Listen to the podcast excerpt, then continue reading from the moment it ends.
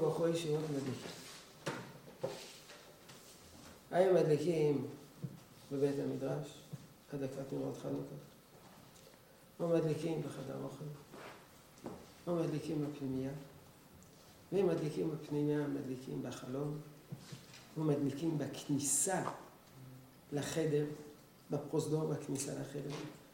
כך שיש בעצם ארבע אפשרויות, שלוש אפשרויות, כאשר אפשרות אחת מתפצלת לשתיים, להדליק בחדר, מה הכוונה להדליק בחדר? להדליק בחדר כיוון החלון, או להדליק בחדר.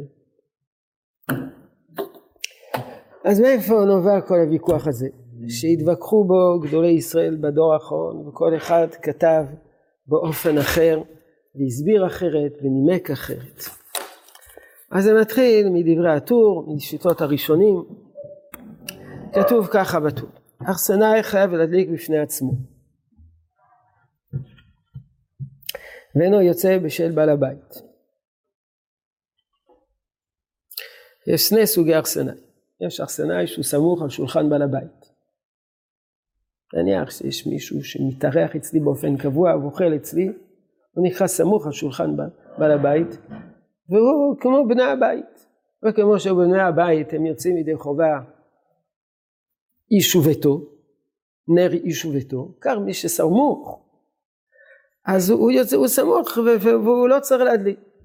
אכסנאי זה אדם ש... שמתגור, שהוא גר שם, אבל הוא לא, הוא לא חלק מבני הבית, יש לו, יש לו, נניח הזכירו לו מקום לינה, מה שהיה מאוד מקובל בימים קדומים, שהיו מזכירים למישהו מקום לינה. אז הוא לא חלק מבני הבית, אבל מצד שני זה לא, הוא לא יכול להדליק, הוא לא, הוא לא הבעל הבית של המקום הזה, הוא רק מתגורר כאן. לכן אינו יוצא בשל בעל הבית, אבל בפרוטה שייתן לו וישתתף עם מושגים. הוא לא צריך להדליק נרות בפני עצמו, אלא יכול להשתתף בפרוטה, כאילו, לא. למה היא כאילו את הכולה הזו, ומה בדיוק הפרוטה הזאת עושה, ומה היא עושה, וכיצד היא עושה, דנו בזה הרבה. ואם מדליקים עליו בביתו, אינו צריך יותר. זה בדיוק מה שלמדנו לגבי הדלקת נרות שבת, שמדליקים לך בבית, מצד חובת הגברא, אתה לא צריך, למה? נר יישובתו, אשתו הדליקה עליו, אז הוא יצא ידי חובה מחובת גברא. חובת הבית פה, הוא לא צריך, למה הוא לא צריך? כי זה לא הבית שלו. לכן הוא פטור לגמרי. זה בעצם ממש זהה למה שראינו בנרות שבת. למה זה זהה ממה שראינו בנרות שבת? כי כל הדין של נרות שבת של אחסנאי למדו את זה מפה, לכן ברור שזה זהה. זה לא יכול להיות אחר. ואם יש לו פתח פתוח לעצמו, דהיינו מתגורר, אבל יש לו דלת עצמאית, דירה, יש כניסה ראשית, ויש לו כניסה נפרדת לתוך, הד... לתוך החדר שלו, למרות שהחדר שלו מחובר לאותה דירה, אינו יוצא במה שמדליקים בביתו, ולא במה שתשתתף עם בעל הבית, אלא צריך להדליק בפתחו, למה? מפני החשד. מפני החשד. למה? עוברים ליד הדלת, רואים שלא הדליקו בדלת הזו נר, מסתכלים בפנים, רואים ברנש בפנים, אומרים הברנש הזה עבריין. הוא מן אפיקורסים, לא מדליק נרות חנוכה. זה החשד. אז זה הדינים, זה הדינה דגמרא, זה מה שכתוב בגמרא וזה דברים ידועים, פשוטים, ברורים, אין בזה שום חידוש. או כותב הראש, כתב אדוני אבי הראש ז"ל בתשובה. בן האוכל אצל אביו ואוכל אצל חברו. ויש לו בית מיוחד לשינה. אוכל במקום אחד, אוכל אצל ההורים ויושן במקום אחר. צריך להדליק. למה? שכיוון שיש לו בית מיוחד לשינה, והעולם רואים אותו נכנס ויוצא בו, ייקח חשדה אם אינו מדליק, זה בגלל החשד. כלומר, למרות שהוא בן האוכל אצל אביו, לכאורה אם הוא בן האוכל אצל אביו, אז לכאורה הוא סמוך על שולחן אביו. אם הוא סמוך על שולחן אביו, אז לכאורה הוא פטור לגמרי, אבל יש בעיה של חשד. זה מה שכתוב, ייקח חשדה ממנו מדליק. שאין העולם יודעים שאוכל במקום אחר. ואפילו לדידן שאנחנו מדליקים בפנים. אז אם מדליקים בפנים, אז לכאורה פחות בעיה. ומסתום בני החצר יודעים שאוכל במקום אחר. בני החצר שורים שהוא לא מדליק, שהוא לא מדליק בפנים, אבל הם מכירים, הם מכירים אותו. אז הם יודעים שהוא אוכל במקום אחר, ושם הוא שייך למקום אחר, ושם, שם, או שהוא מדליק שם, או שהוא יוצא ידי חובה במקום אחר, כלומר יודעים את הסיפור, אז אין חשד. אפילו אחי שייך חשד, כי השכנים עוברים ושבים לפני פתח בית ורואים שאינו מדליק עד כאן. בני החצר יודעים, אבל השכנים הם לא יודעים. השכנים לא יודעים שהוא גר פה ובעצם הוא רק ישן פה ואוכל שם ויוצא ידי חובה שם, הם לא יודעים, לכן הוא צריך להדליק פה. מה הקשר בין החצר והשכנים לבין זה שאנחנו מדליקים בתוך הבית? שבני החצר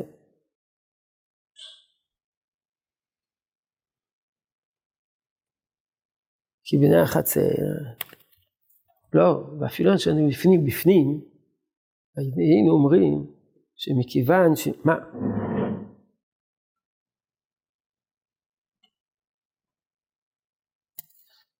אתה שואל, מה שמדליקים בפנים, הייתי סובר בגלל שמדליפים בפנים אז אין חשד.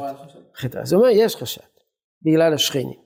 אתה שואל אותי, ובני, מסתור בני החצר יודעים שאוכל שם. כלומר, לכאורה, מה שהוא רוצה להגיד, כי כשמדליקים בפנים, אז עדיין בני החצר יודעים בדיוק מה שקורה. למה? כי הם בפנים. אז בני החצר יודעים, הם יודעים שהוא לא מדליק. אבל מאידך, מצד אחד הם יודעים שהוא לא מדליק, מאידך הם גם יודעים שהוא אוכל במקום אחר. אבל אלה שעוברים בחוץ, השכנים, הם, הם לא, קיצר, כל אחד היה יודע בדיוק מה קורה אצל השני, או מה לא קורה אצל השני. טוב, זה מה שהיה באותם ימים, כן?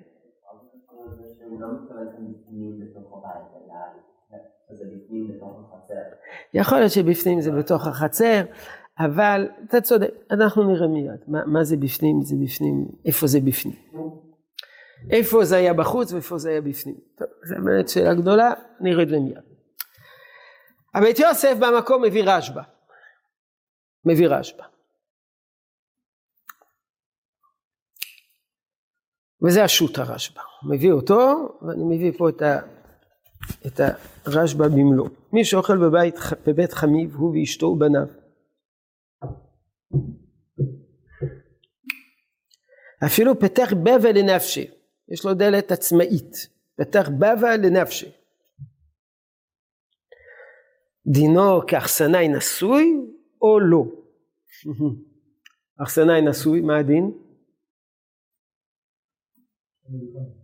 יש לו מדליקה, לא, הוא לא צריך להדליק, הוא נשוי, הוא אחסנאי נשוי, הוא אחסנאי, אוכל אצל חותנו, והוא נשוי, אז אולי הוא לא צריך להדליק. אומר, גם מי שאוכל על שולחן בעל הבית, אפילו שוכב בבית בפני עצמו, אינו צריך להדליק. אבל מכל מקום צריך להשתתף, או שיקנה לו בעל הבית חלק בשם הפתילות. הוא אכסנאי, הוא צריך להשתתף. מה זה נקרא? הוא, הוא לא צריך להדליק, אבל הוא צריך להשתתף. הוא לא יודע מן האכסנאי שמדליק בתור ביתו. דעתם כבר הדליקו עליו. אבל זה הוא צריך להדליק כאכסנאי, שאין לו בית במקום אחר, זה צריך להשתתף בפרוטה. אז מה רואים בסיפור הזה? הוא ישן במקום אחד, יש לו בבא בפני עצמה, יש לו דלת בפני עצמה, הוא ישן במקום אחד ואוכל במקום אחר, מה כתוב שהוא צריך לעשות? צריך להשתתף בפרוטה, כמו ארסנאי. זאת אומרת שאיפה הוא מדליק? לא לפי מקום השינה, הוא מדליק לפי מקום האכילה. בעוד שהראש, בדיוק באותו מקרה שיש מקום שינה ומקום אכילה, הראש כתב שמדליקים במקום השינה בגלל החשד. אז הבית יוסף מביא את הרשב"א הזה, אני לא זוכר, הוא לא, הוא לא, הוא לא אומר, הוא רק מביא, אבל הרשב"א, הוא מביא הרשב"א.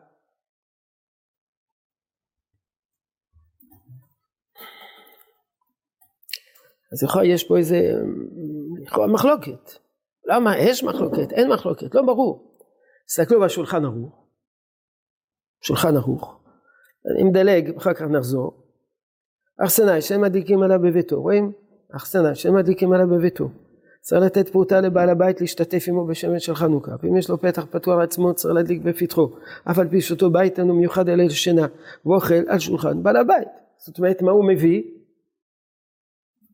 את מי הוא מביא? את הראש. הוא לא מביא את הרשב"א. אז יש בגלל זה כאלה שהבין, והוא הדין לבן האוכל אצל אביו. בן האוכל אצל אביו, כן, בן האוכל אביו. אז יש כאלה שמזה הבינו, כך בעל רב אודנר בשבט הלוי, שהבית יוסף הבין שזה מחלוקת, הבית, הראש שלפי הבית יוסף זה מחלוקת את הראש והרשב"א.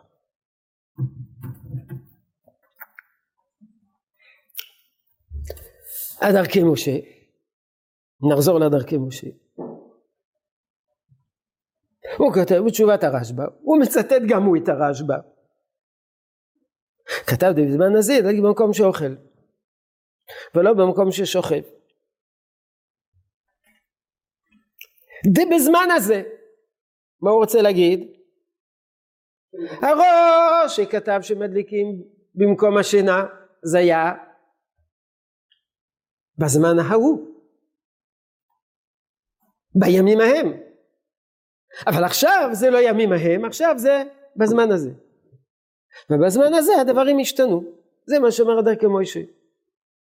וכבר כתבתי למעלה סימן תרע"א בזמן הזה דנו מדליקים בפנים לגמרי ליקה חשש כלל לעוברים ושבים זאת אומרת לפי זה יוצא שיש לפי הרמ"א אולי שלושה שלבים היה בימים ההם יש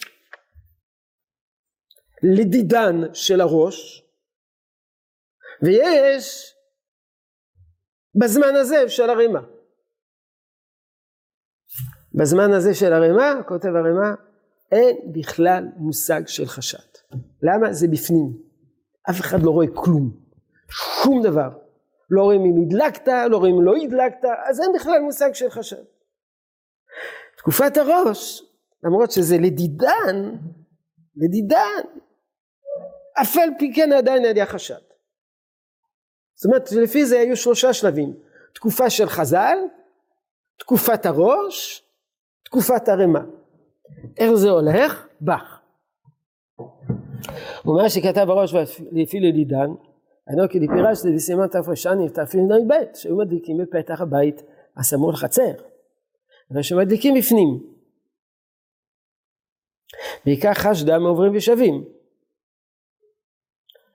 והחצר שאינה מבנה החצר והפתח פתוח ולא הדליק אבל על עידן שמדליקים בבית החורף בפנים, לקח רשדה, אלא מבנה הבית, והם יודעים שמדליק במקום שאוכל. כלומר, אב"ח אומר שזה סיפור כזה. בהתחלה היו מדליקים מחוץ לבית. בתקופת הראש, היו מדליקים בתוך הבית, אבל איפה? סמוך לדלת. כשהדלת פתוח, רואים אם הדלקת או לא הדלקת. בימינו, אומר, אומר הבח, מדליקים בבית החורף. מה זה בית החורף? בפנים, בפנים, בפנים. אז אין בכלל חשד. היוצא מכל הבלגן הזה. שאם נניח שאין מחלוקת בין הראש לבין הרשב"א. אז כל הסיפור הוא, כל הדיון זה דיון של חשד. כן, יש חשד, אין חשד, יש חשד, אין חשד. אז נניח שאין חשד. אין בעיה של חשד. אז איפה מדליקים? מה? איפה שאתה אוכל, איפה שאתה ישן. הצבעה. מי אומר איפה שישנים? מי אומר איפה שאוכלים? וחלק לא, לא פה ולא שם, לא מדליקים לראות. טוב, אז, אה, באמת זה מה שמשמע. שכל הסיפור של ה... של ה... של ה... של חדר השינה, של המקום שישנים, שזה בית, סליחה, שלא חדר השינה, שבית שבו ישנים זה בגלל החשד. אבל החטא, העיקר זה מקום האכילה. אומר הרמ"א, ויש אומרים, זה בזמן הזה, שמדליקים בפנים ממש, ידליק במקום שאוכל וכן נהגו. האדם יושב במקום אחד ואוכל במקום אחר, מדליק במקום האכילה. מכאן המסקנה הפשוטה. הנגזרת מתוך מה שלמדנו, שאם האדם אוכל במקום אחד וישן במקום אחר, וצריך להדליק במקום שאוכל, ובגלל זה יש שהורו שתלמידי ישיבות תדליקו בחדר האוכל. כי חדר האוכל זה מקום שאוכלים. ולא במקום שישנים. כי רואים שאם יש מקום אחד ישנים, מקום אחד אוכלים, מדליקים במקום שאוכלים. וזה היסוד לשיטה הראשונה שמדליקים במקום שאוכלים. אמנם תסתכלו, בתז בקטע השני, אחר כך נחזור לקטע הראשון, נעשה פתיחה סוגריים מאוד מאוד חשובה, כי היא מאוד מעשית, אבל נראה את, ה, את הקטע השני בתז, וזה שון רש"ל, חתן אוכל בבית חמיב. אם יש יכולת בידו אפילו יש שם בבית חמיב לא ישתתף אלא לעצמו משום מהדרין, טוב, גם אם אתה אוכל פה ואתה סוכן ואתה ישן ואתה אוכל ולכאורה אם אתה אוכל ואתה ישן אתה אחד מבני הבית ואם אתה אחד מבני הבית אתה פטור לגמרי, אבל תדליק, למה תדליק? מהדרין, זה שיטת האשכנזים, מהדרין, אפילו בני הבית. ואם ישן בבית אחר, פשיטה שחייב להדליק במקום שישן, עד כאן לשונו. אז רואים מכאן, מה רואים מכאן? שאם הוא מוכל במקום אחד וישן במקום אחר, אז הוא פשיטה שידליק במקום שישן. אבל ברור שהוא כבר נמצא בזמן הזה, של הזמן הזה, של הזמן הזה. בכל אופן אומר שאיפה מדליקים? לא במקום האכילה, אלא במקום השינה. והוא נגד דעת הרשב"א שזכרתי. ואז כותב התז שבאמת אין הלכה כרש"ל, אלא עיקר זה מקום האכילה. הוא חוזר על הדברים האלה, תראו אותם, לא אכפת לנו, עמוד הבא, לא אכפת לנו מקום השינה, שרבני הבית הם יודעים שקבוע דירתו להכיל במקום אחר, והוא שם מדליק, הנה יודעים, ברור, העיקר זה מקום האכילה, כך אומר אתה. אז אומר אתה, אז מה קורה? יש משפחה. שבליל חנוכה, ביום השלישי של חנוכה, הולכים הבן, הבת, חתן, החתן או הכלה, נוסעים להורים לאכול ארוחת ערב חגיגית. ואחר כך חוזרים הביתה לישון. אז מה העיקר? לכאורה מקום האכילה. אז אם העיקר זה מקום האכילה, אז צריכים להדליק אצל ההורים. אתמול מישהו בא אליי, אומר הבן שלי, הוא יצא יום מעזה, אז הם באים, קופצים אלינו, הביתה, הוא שאל אותי את זה בשעה, כן, אחת לקראת, בשעה חמש, באים אלינו עוד מעט, והם באים להדליק אצלנו נרות חנוכה. אחר כך הם חוזרים הביתה לישון. העיקר זה מקום אחר, הם אוכלים שם אצל ההורים, ברבורים, סלב ודגים, וכל מיני סופגניות מלאי שמן, והם, אז הם רוצים להדליק שם. אומר אתה אז, לא יעלה על הדעת.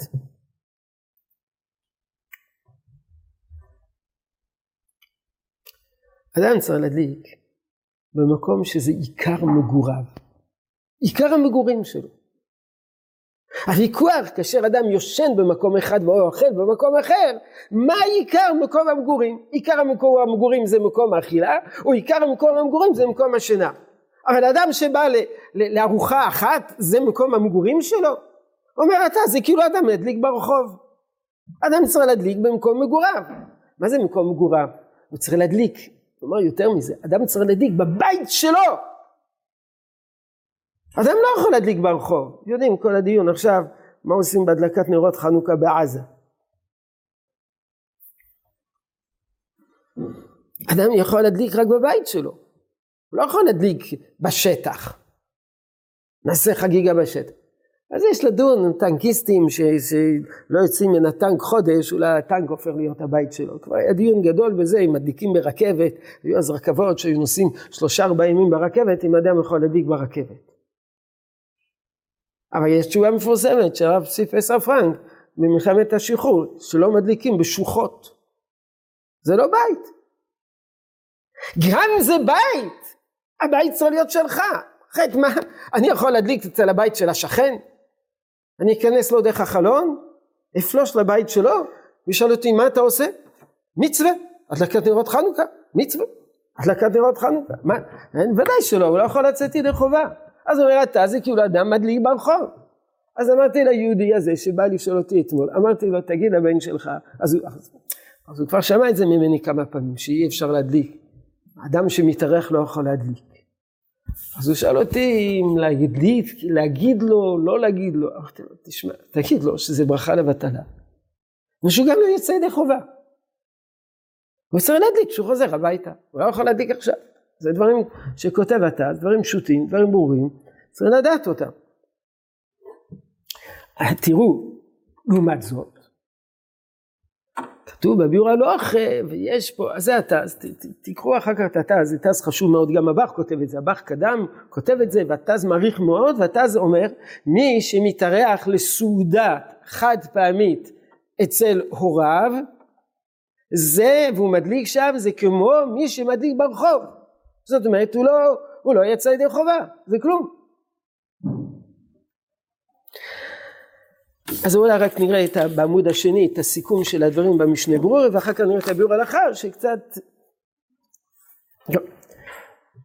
ודווקא משנה ברורה בעמוד השני ודווקא לעניין אחסנאי הנ"ל שאין ביתו אצלו הוא לא גר אצלו אלא הוא, גר, הוא אוכל באופן קבוע אצל אצל מישהו, הוא לעניין בן הסמוך על שולחן אביו. אבל מי שסועד אצל חברו בקרב, יש לו שם בית באותו העיר, צריך ללכת לביתו, להדליק שם עיניו חנוכה, ואם אינו רוצה לזוז במקום שסועד, הוא בא לבקר חברים, בא אליו בשעה שלוש, התחילו משחק קלפים, כנהוג אצל יהודים היו משחקים קלפים בחנוכה, וגם בדרדל בסביבון. אבל הוא לא רוצה להפסיק באמצע המשחק. אז הוא רוצה להדליק פה, הוא לא יכול להדליק פה. שיטלפן לאשתו ויגיד לאשתו תדליקי את בבית. זה מה שהוא אומר. יצווה לאשתו שתדליק עליו בביתו. או מכל מקום מצווה בו ביותר משלוחו, תחזור הביתה. ביור הלכה, יהיה משנה. למי שסועד אצל חבר בהקרב יש לו שם בית באותו העיר, ודווקא באופן זה. אבל אם הולך הוא וכל אנשי ביתו, כל המשפוחי, הולכים מבית אביו או חמי בקביעות לשמונת ימי החנוכה, זה ברור ברור שכיוון שסועד וישן שם כל ימי החנוכה, אף שביום אוכל אכילת הרע בביתו. נניח שבבית שלו זה, יש לו שם איזה בית מלאכה. אז ביום הוא קופץ הביתה ועובד שם ואוכל שם. זה אכילת הרע בביתו. אוכל אכילת הרע בביתו. ברור שאינו מדליק אלא בבית שאוכל וישן שם בלילה. וכיוון שאין שום אדם בבית למי ידליק. וכל שכן שהעידנה העיקר לבני הבית וכיוון שישנים בני הבית שם ידליקו.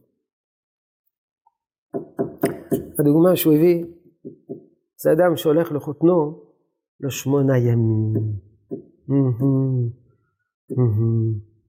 ואחד שהולך לחותנו יום אחד כגון, כגון שבת. אמר הפוסקים, זה הבית שלך לשבת. אז ברור שאתה מדליק שם. איפה מתחילה ההתלבטות? אין ארוחת ערב. מוצ"ש, איפה מדליקים מוצ"ש? הוא עובר דירה מוצ"ש. זה כאילו אדם שעובר דירה. אז אמרו ככה, מוצ"ש, הכל תלוי. רץ לבית הכנסת, תליל מייריב, חוזר הביתה, אורז מזוודות, מהר, תוך חצי שעה, מתקפל ונעלם, ידליק בבית. אם הוא מתמרח, קצת אוכל מלווה מלכה, קצת אוהב לבדוק מה, מה נשאר מהצ'ונד בשבת, נשאר עוד קצת, שעה, שעתיים, אז זה עדיין ביתו. זה עדיין ביתו.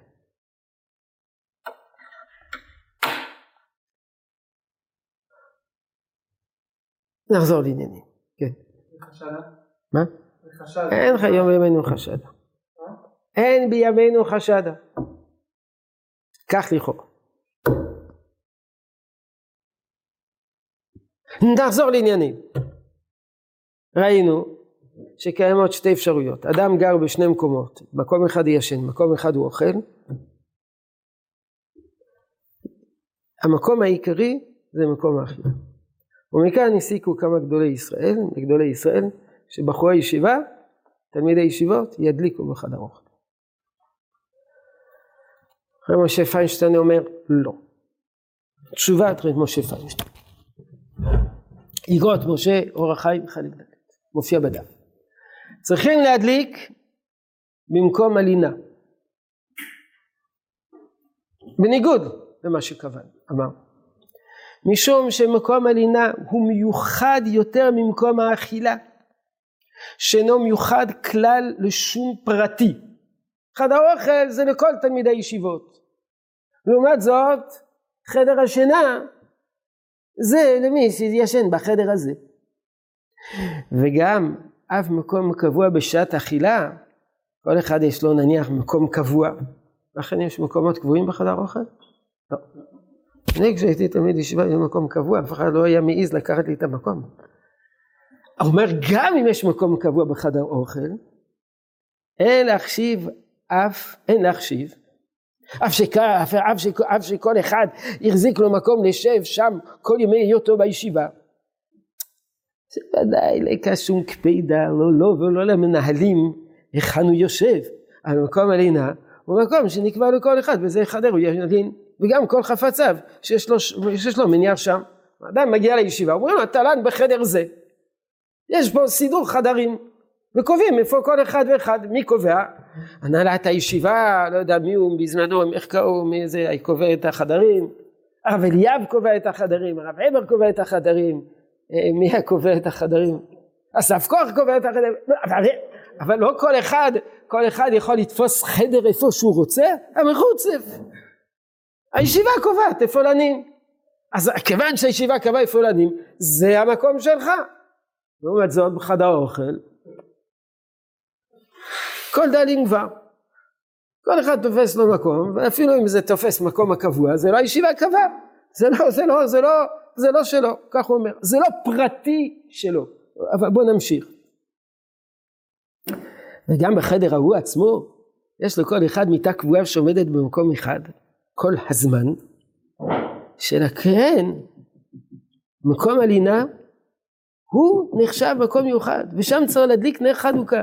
ואם היה שייר שיברך כל אחד במקום המיוחד רק לו. ובמקום הסמוך במיטתו שרק הוא משתכתב שם היה עדיף. עדיף שכל אחד ידליק ליד המיטה שלו. למה? כי זה המיטה שלו. זה המקום שלו. אבל אין קפידה למה? מאחר שכל אחד משתמש בזה דברים גם בכל החדר לכן כיוון שיותר טוב להדליק אצל החלון ולא לכולם יש חלון אצל מיטתו יכול כל אחד להדליק אצל החלון שבחדרו אף שאינו אצל מיטתו זאת התשובה המפורסמת של משה פשט. יש עניין שכל אחד ידליק בעצם במקום הפרטי שלו ולא בחדר אוכל שהוא ציבורי אלא בחדר, בחדר, ובאופן תיאור צריך להיות ליד המיטה שלו, אבל כיוון שעדיף להדליק ליד החלון, וכל החדר שייך לכולם, אז ידליקו כולם ליד החלון. תשובת רב משה פיינשטיין. עמוד שלישי, נחזור עוד מעט לעמודים הבאים. נכד רב משה פיינשטיין בשם סבו. הנכד שלו כתב בשם סבו כל מיני דברים. אז, אז ניסוח חדש של כל הדברים.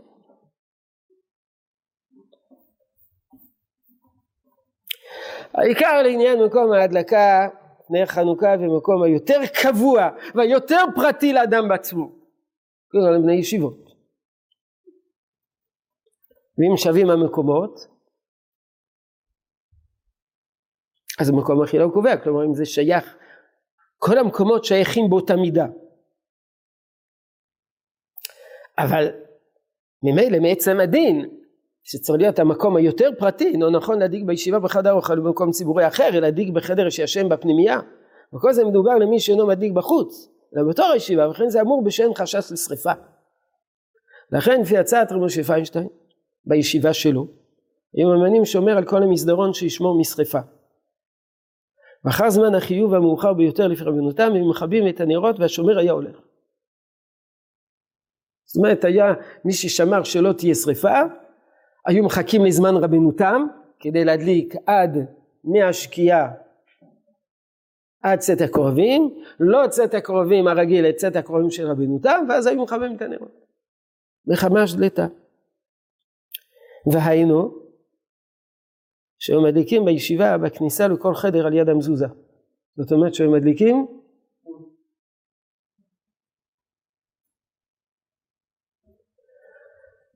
בכניסה ליד, בכניסה לכל חדר על יד המזוזה, זאת אומרת שהיו מדליקים הפרוזדור לכאורה. ואף על פי שהיו להם חלונות בחדרים, מכל מקום אנשים בחוץ יכולים לראות את הנרות כיוון שהמקום שומם, וזה עדיף מאשר להדליק בחדר אוכל ציבורי. ולכן קר נהגו שכל בריך, בחור מדליק בכניסה לחדר, כמה בחורים בכל כניסה, כניסה לחדר. זה משה פרשטיין. למה? מקום יותר פרטי. לעומת חדר אוכל במקום ציבורי. רב אושר וייס אמר שהוא לא מבין את זה, מה, מה, מה פרטי, מה ציבורי, מה זה מעניין אותי, זה פרטי או ציבורי, מה זה חשוב. חולק על זה. עמוד השני. אחרי הדבר, הדברים של, שיש באמצע, מנחת אשר למטה. ולא ירדתי לסוף דבריהם. דבריהם זה משה פיינשטיין, אותו דבר רבי יושיב, שמדליקים בחדר כי זה המקום היותר פרטי. לא ראיתי סוף דבריהם, דמה עניין מיוחד. אחרי שנפקמיני במקום אכילה רבים ולמעטים, מה זה נפקמיני? ואם זה חדר אוכל שיש שם שלושים איש, מי זה חדר יש עשרה אנשים, מה, זה הדבר הזה פרטי או ציבורי? ולא כל תלמידי הישיבה אוכלים בחדר אוכל, וכשם שחדרי פנימה מיוחדים להם לשינה, כך חדר אוכל מיוחד לאכילתם. מה זה מעניין אותנו כל הסיפור הזה? הוא יותר תמוה, מה שכתב שם דלכתחילה עדיף שכל בחור ידיק סמוך למיטתו, כיוון שמקום זה מיוחד רגלו, אלא שאין חלון סמוך לכל מיטה ומיטה, ולא הבנתי מה העניין יש להקליט במקום מסוים מיוחד רק לו.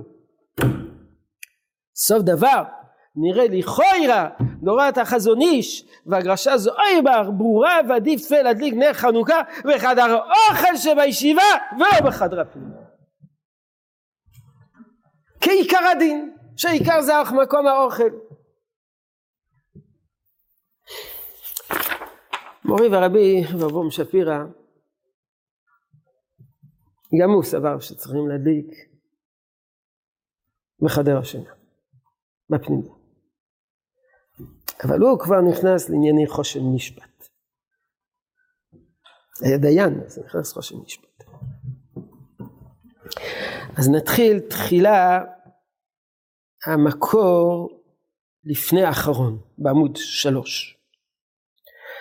זה דברים ששאלו אותו ורשמו, לפני כן זה מכתב, אז המכתב הוא יותר מדויק, אבל פה הוא מסביר יותר. תלמידים בישיבה רואים, יש להם זכויות ממון של שואל. העמוד השלישי.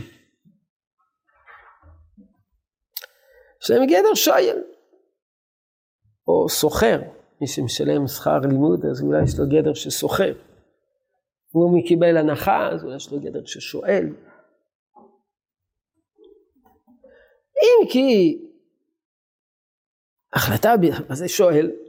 עובדה שראש הישיבה יכול לזרוק אותו. אם כי החלטה בידי ראש הישיבה להמשך לימודיהם מלאב בשנה מקיימים את חובותיהם בישיבה בסדרה ישיבה. וכשואל שמפר תנאי השאלה. יש כאלה שאומרים, אתה לא שואל, עובדה שאפשר לזרוק אותך, נו, כל שואל, יש תנאים. אני משאיר לך, נותן לך את הבהמה הזאת, בתנאי שתעשה ככה וככה, משאיר לך את החדר, בתנאי ככה וככה. אם אתה לא עומד בתנאים, אני זורק אותך, אבל כל עוד שהוא עומד בתנאים, הוא שואל. אז אם הוא שואל, אז זה חדר שלו. זה חדר שלו, יכול להדליק.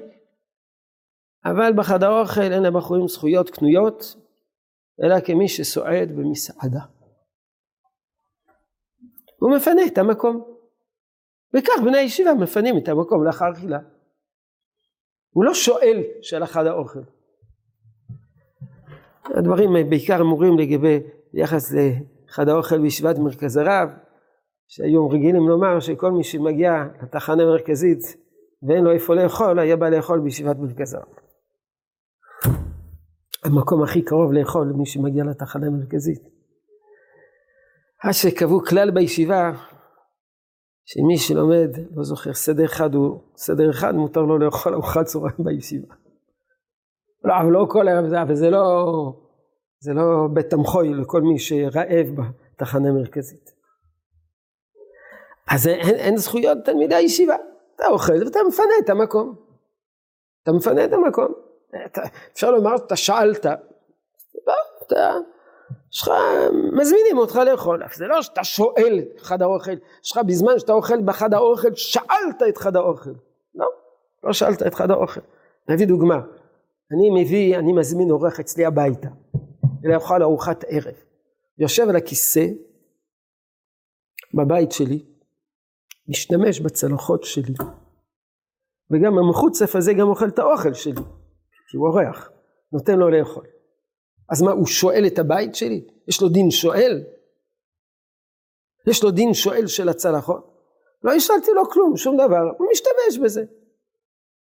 נתתי לו אפשרות שימוש. זה לא שהוא שואל. כי הוא לא שואל, לא השאלתי לו. יכול להיות שהוא פטור, יכול להיות שהוא פטור, הוא לא שואל. לא עשינו שום, שום עסק קניין וקניונים, לא עשו שום קניינים. לא התכוונתי לשילוב, הוא לא התכוון לשאול. לא כל אחד חייב להיות שוימר. הוא לא שוימר, הוא לא קיבל על עצמו חיובי שמירה. הוא לא שאל. אבל מה זה אחד שגר בפנימיה, השאילו לו. לא. ככה אומר רב אברום. נמשיך הלאה. בעולם בית המדרש, אז ודאי יש להם זכויות קבועות ללמוד. לא כמו חדר האוכל. ולשם קיים בית המדרש, להגות בו יומם ולילה, אז ברור שכל תלמיד יש לו לכאורה. אבל בבית המדרש בתואר בא גם לכל אדם אחר הרוצה ללמוד יום ולילה. אבל אין לתלמידים זכויות של שואל, אלא כמו בכל בית הכנסת. אתה בא לבית הכנסת, אתה שואל? אתה לא שואל, מאפשרים לך להיכנס, להתפלל. אז בית המדרש, הישיבה נותנת לכל אחד ואחד, שוב, זה בשבילת מרכז הרב, הם נכנסים, יוצאים, נכנסים. על כן מקום החיוב העיקרי להדלקת נר חנוכה הוא לכל אחד בחדר שלו, ולא בחדר האוכל, לא בבית המדרש. עכשיו הוא כותב דבר מאוד מעניין. ואין יוצאים ידי חובה בהדלקת נר חנוכה בבית ההורים אשר מקום מגורים כמו בישיבה. היות בפנייה מתאכסנים קרוב לשלוש מאות תלמידים כן ירבו. היום ישיבת מרכז הרב אני חושב שיש 600 תלמידים, 500 תלמידים, זה היה תקופות קדומות, כשאני למדתי בישיבה היה פחות ממאה, עוד פחות מזה, אבל uh, שיעור א' זה 100, שיעור ב' זה 100, שיעור ג' זה 100, זה כבר 300, כן, יש 400-500 תלמידים, כן ירבו, הרי זה כעיירה קטנה לעצמה. והעובדה שמסדרון מכוסה בתקרה אינו משנה. על כן יש להדליק לכתחילה יד חדר במסדרון. זה יותר פרסומי ניסה מאשר להדליק בחלון. אתה עושה פרסומי ניסה לשלוש מאות תלמידים. וגם בנוסף לזה נר אחד בחלון, קידים בית שיש לו שני פתחים, יש לו פתח אחד לכיוון המסדרון ופתח שני החלון, אז תדליק שניים. לכן אז היו נוהגים שהיו מדליקים בחדה, במסדרון בישיבה, כשאני למדתי בישיבה מדליקים במסדרון, וכל הישיבה הייתה רוקדת וכל הפנימייה. כי זה נחש ארוך, נחש ארוך, קצר, כי לא היינו הרבה, אבל היינו עושים איזה נחש, ואז זה ממש פרסומי ניסה. זה עיירה קטנה, שכולם רוקדים מול הנרות שהדליקו, אז זה ממש פרסום וניסה, זה בדיוק זה. הוא חוזר על זה גם כן במכתב.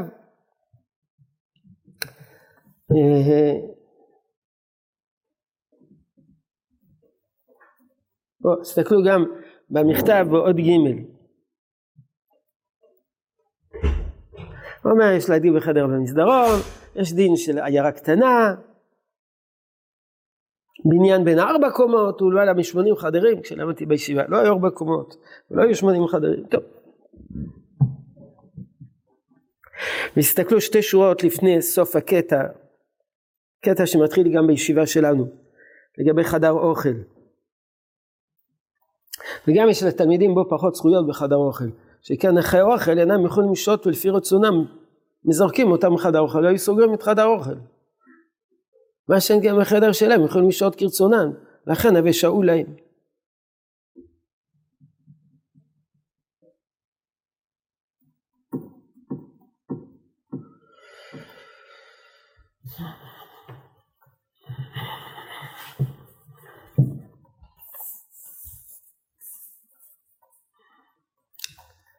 בעל שבט הלוי, הרב אוזנר בכלל מאיר פה נקודה מאוד משמעותית. כל הסיפור הזה, חדר שינה, מקום שישנים, מקום שאוכלים, הסיפור היה בבן אדם שיש לו גר במקום אחד ואוכל במקום אחר. זה לא, זה לא בית אחד, יש לו שני בתים.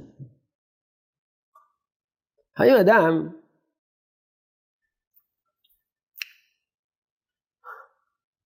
הכל נמצא בדירה אחת. הוא ישן במקום אחד, אוכל במקום אחר. לדוגמה, אני ישן בחדר אחד, אוכל במקום אחר. כמובן, אני אוכל בישיבה מדי פעם, אבל כשאני אוכל בבית, אני לא אוכל בחדר השינה שלי. האם גם שם מתעוררת הבעיה? האם אדם צריך להדליק דווקא בחדר שהוא אוכל? נניח שאדם יש להם פינה, אנשים יש להם פינת אוכל, יש להם סלון, יש להם חדר שינה, חדר עבודה. יש אם אני מדליק בחדר עבודה, בפינת סלון, בפינת אוכל, בסלון או בחדר שינה. אומר הרב ווזנר, שבט הלוי, עמוד שלוש, המקור השלישי, פסקה שלישית. בעצם מזה דבן הרש באמינה ראש הדין במקום שהוא אוכל בזמן דלק החשדה. מי הוא בישיבה עצמה? ובפרט במקום שהבחורים לנים גם כן, אין הבדל אם המדליק במקום השינה ובמקום האכילה כיוון שניהם בבית אחד. כמו אין הבדל בבית פרטי מדליק בחדר זה ובחדר זה. טוב, אולי נפקא מינה בישיבתנו הקדושה. למה? כי זה בעניינים לא, כי זה בניינים נפרדים, חדר אוכל בניין אחד, זה לא אותו, זה לא אותו, ישיבת מרכז הרב, הכל היה באותו בניין. פנימיות, חדר אוכל, בית מדרש, בכל אופן זה מבנה אחד, גם בהתחלה זה היה ממש מבנה אחד, עכשיו זה שני מבנים מחוברים. פה זה מבנים שהם לא מחוברים. מה? הפנימיות וחדר אוכל בית המדרש הם לא מחוברים.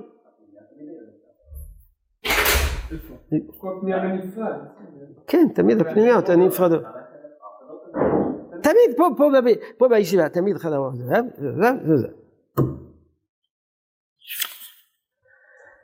אז פה יש כבר מקום לדון, מה הבניין העיקרי?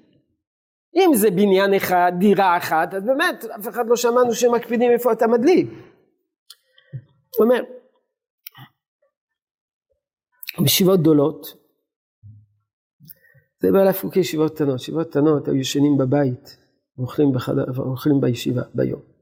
ישיבות גדולות, הכוונה ישיבות גבוהות, לא ישיבה קטנה. ישיבות גדולות, נראה לי יותר יש להדאיג בחדרם. כי זה מיוחד להם, ובחדר אוכל עיקר ריבוי אוכלוסין ולא נתקע כל כך. ועל פי הנ"ל יראה בעניין שאלתו אם יכולים להדליק בבית המדרש, נראה לי כן אפשר להדליק גם בבית המדרש, כיוון שאותו בית ששואב ואוכל שם, הוא כדר אחד בדירה פרטית. אם הכל בבניין אחד, אז אפשר להדליק גם בבית המדרש. כל תלמידי הישיבה ידליקו בבית המדרש. ואין שום חשד. וגם בית המדרש נקרא ברבונן.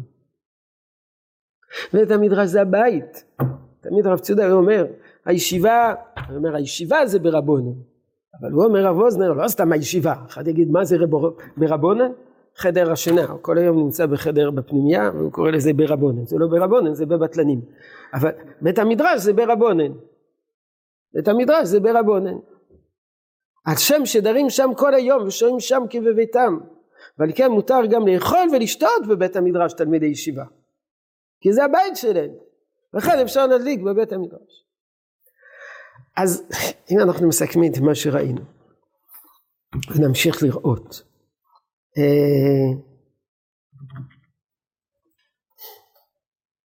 לפי רבו אושר וייס חדר אוכל לפי רב אברהם שפירא, רב משה פיינשטיין, חדר שינה. לפי רב רזנר אפשר אפילו בבית המדרש. עכשיו לפי רב אברהם שפירא אי אפשר בבית המדרש. וגם אי אפשר בחדר אוכל.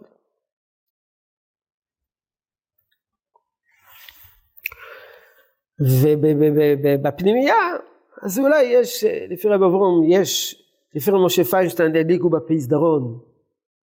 למרות שעדיף היה להדליק בחדר ליד כל אחד ואחד ליד המיטה שלו בגלל חשש שריפה. מדליקים במסדרון. לפי רב אברום שפירא מדליקים במסדרון בגלל שישיבה זה עיירה קטנה זה עיירה קטנה והרחוב הראשי של העיירה הקטנה הזאת זה המסדרון.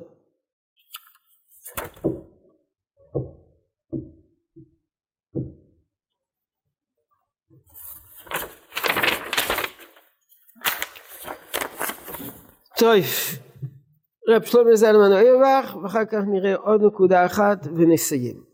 בעמוד השני. אז אצלנו מסתור ספר הליכות שלמה. דברים שכתב רב שלמה זלמן אוירבך שמביאים תלמידיו סיכמו את דעתו מה שמצד שמאל זה באותיות יותר גדולות זה רק בגלל אילוצים של הדפסה זה לא ש... בצד שמאל זה יותר חשוב מצד ימין, העיקר זה צד ימין. אבל בואו נראה לפני כן מה שכתוב באותיות רגילות למעלה. בחורים הגרים בישיבה, עיקר מקום הדלקתן ובחלון חדר שישנים בו, או בפתח בניין הפנימייה. ובידי עבד ידליקו לפי הסדר דלהלן בחדר אוכל. בפתח שבין החדר לפרוזדור הפנימייה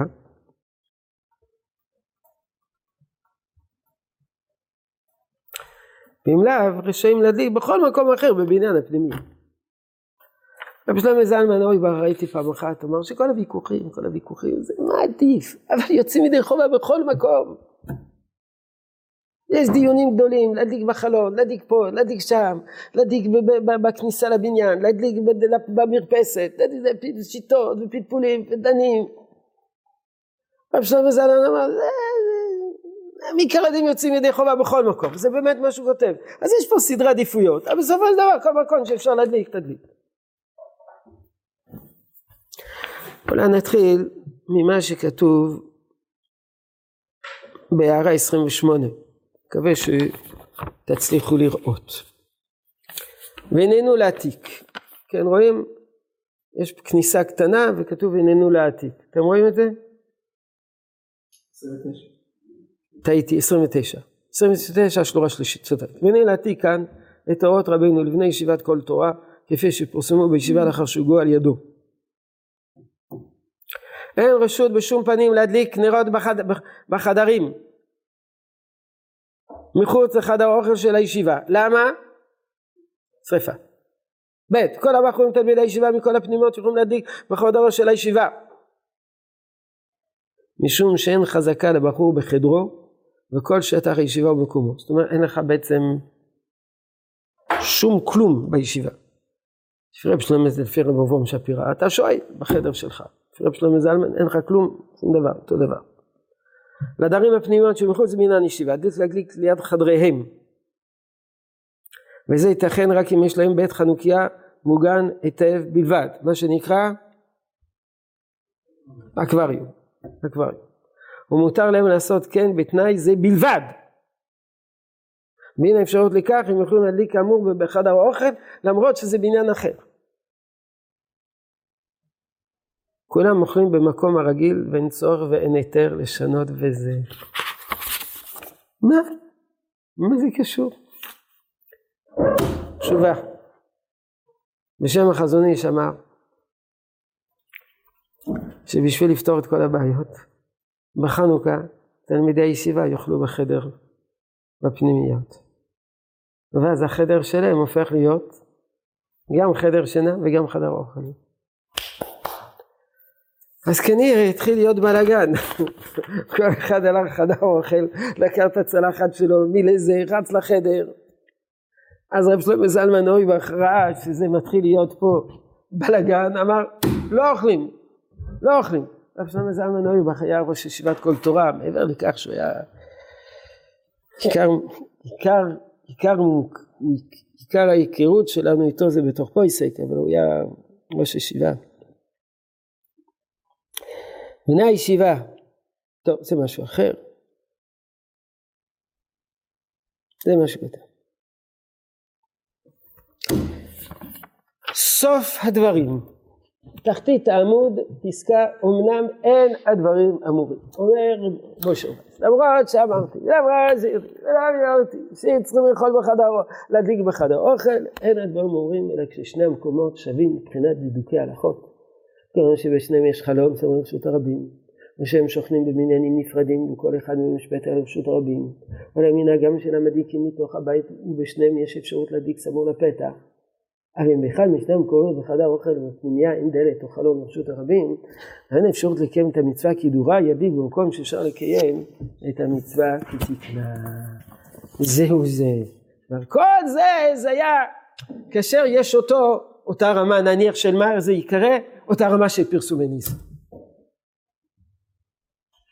אבל רב אברהם שפירא סבר שהמסדרון זה הפרסומי ניסה הכי גדול. עיירה קטנה. שבעה זה עיירה קטנה. מה? זה חומרה, זה מצד החשד. לא מצד פרסומי ניסה, מצד החשד. יש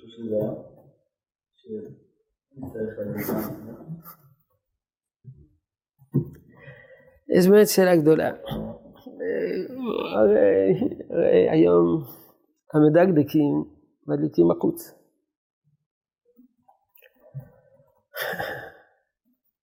כתוב שבשעת הגזרה מדליקה על שולחנו ודיו. אז יש כאלה שאומרים שאם אין גזירה, אם הוא מדליק את זה על שולחנו, הוא לא יצא בכלל ידי חוב. ואחרים אומרים לא. החסידים היו כמה גדולים שהמשיכו להדליק בפנים. בירושלים נהגו להדליק בחוץ, לגמרי. היו מדליקים בכניסה לבניין. ממש בכניסה לבניין.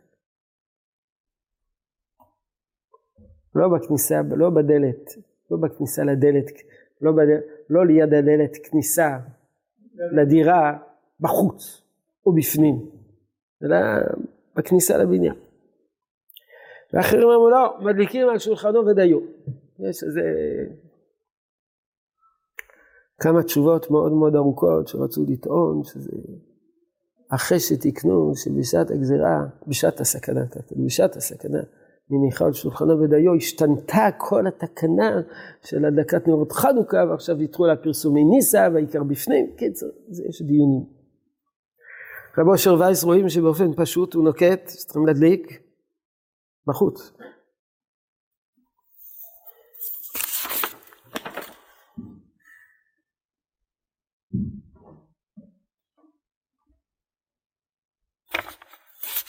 גם הוא כותב שאם אפשר להדליק בחדר אוכל, אז אפשר ואפשר להדליק בפנימייה. עם יותר פרסומי ניסה בדקדוקיה, אז עדיף בפנימייה, כך גם הוא כותב את זה בסוף דבריו.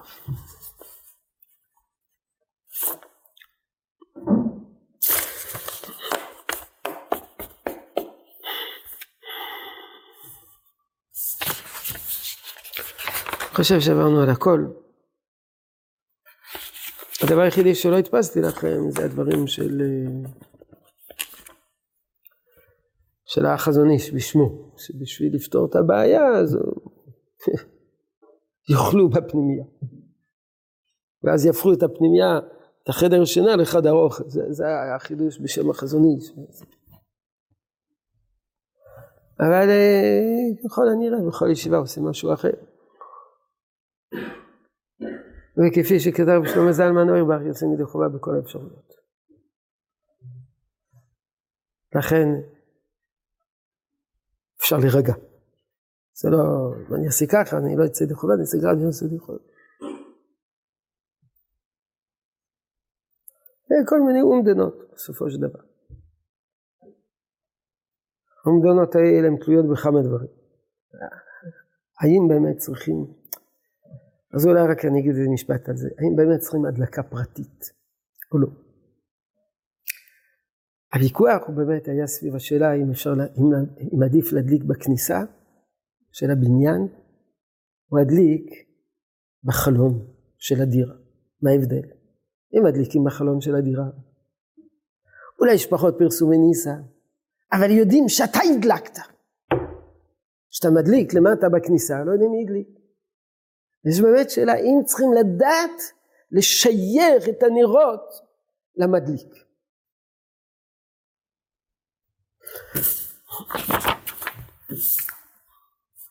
תסתכלו בעמוד השלישי, המקור השני מלמעלה, פסקה שנייה מלמעלה. אמר רב, ויש על זה ויכוח. יש כאלה שאומרים, מי אמר שצריכים לשייך? מה, מה צריכים לשייך? אמרו לא, צריכים, צריכים לדעת, צריכים לש... יכולות לשייך.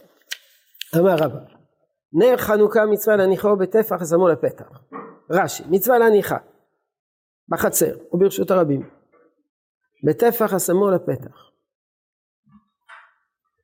שאם יחיקנו לעלה מן הפתח, אינו ניכר שבעל הבית הניחו שם. אז מה אכפת לנו לא ניכר שבעל הבית הניחו שם? נניח שהוא לא מדליק בטפח, מדליק שני טפחיים, שמונה טפחים, אז לא יודעים שהוא הדליק, אז מה אכפת לנו?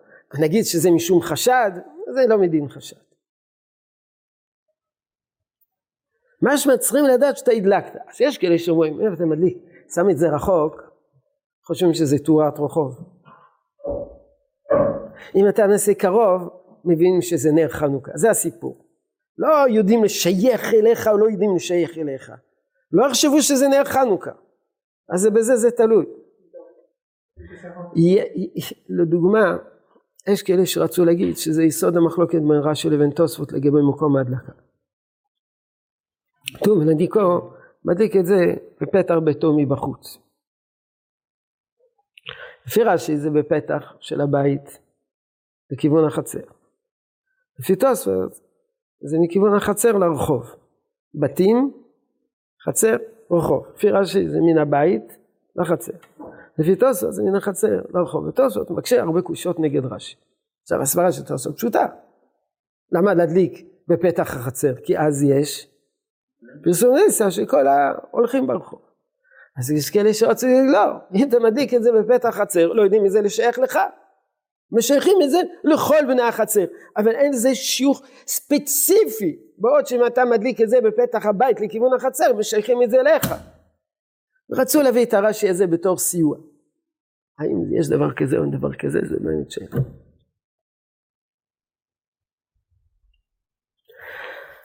אז כנראה שזאת ההצבעה של משה פיינשטיין, יד המיטה שלך, יד שלך, לשייך את זה אליך.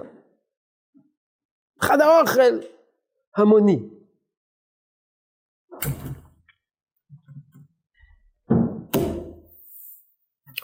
עד כאן